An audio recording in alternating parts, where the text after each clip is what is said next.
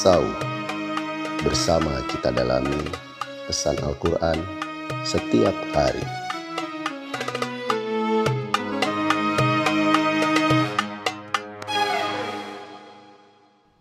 A'udhu billahi minasy rajim. Bismillahirrahmanirrahim.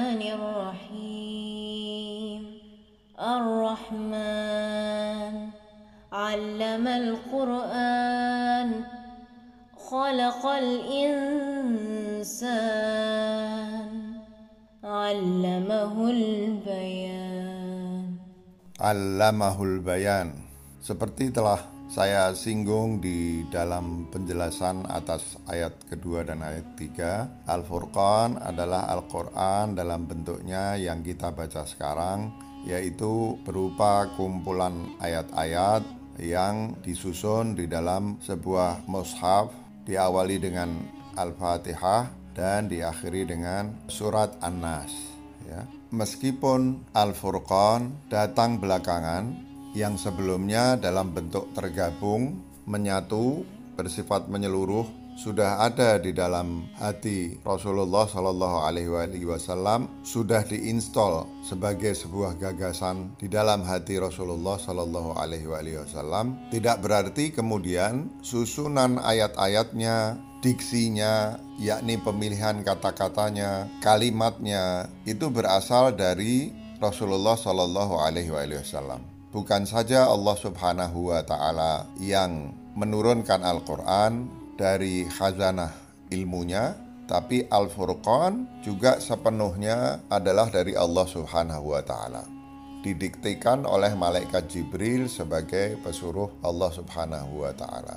Dan ini dijelaskan di dalam surat Al-Qiyamah ayat 19 yang di dalamnya Allah Subhanahu wa taala menjelaskan inna alaina bayanahu.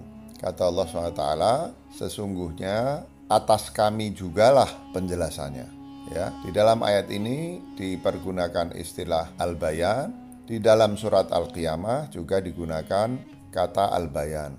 Keduanya ini setidaknya di dalam pemahaman sebagian orafa bermakna Al-Furqan. Jadi jika kita merujuk kepada ayat 19 dari surat Al-Qiyamah, maka dengan jelas, dengan tegas Allah ingin mengatakan bahwa bayan yang berwujud Al-Furqan itu, lafat-lafatnya, kata-katanya, kalimatnya, semuanya juga datang dari Allah Subhanahu wa taala. Ini menunjukkan keutamaan Al-Qur'an dibanding kitab-kitab suci yang lain. Sebuah kitab yang susunannya sebagaimana kita baca sekarang adalah dari Allah Subhanahu wa taala.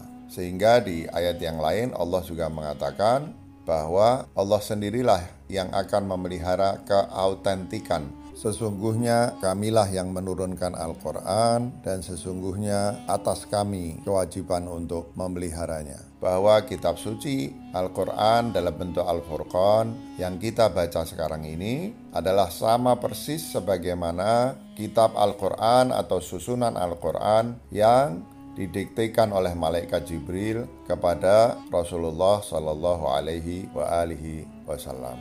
Ya. Dan bukan saja semuanya datang dari Allah, tapi sesungguhnya tidak ada sesuatu pun yang Allah tinggalkan di dalam Al-Furqan ini. Di dalam salah satu ayat yang lain Allah Subhanahu wa taala berfirman, "Ma farratna fil kitabi min syai'." Ya, tidak ada sesuatu pun yang tertinggal, terlewat di dalam kitab ini, sesuatu apa pun. Jadi semua hal ada di dalam Al-Qur'an ya dan tentu kesempurnaan Al-Qur'an juga terwakili di dalam Al-Furqan. Kenyataan bahwa Al-Furqan itu pun merupakan wujud sesuatu yang datang dari Allah langsung memastikan bahwa kesempurnaan Al-Qur'an, kesempurnaan kitab di sisi Allah Subhanahu wa taala ketika masih belum terurai juga terjaga di dalam Al-Furqan bahwa tidak ada sesuatu pun yang terlewatkan di dalam Al-Furqan sebagaimana tidak ada sesuatu yang terlewatkan di dalam Al-Qur'an.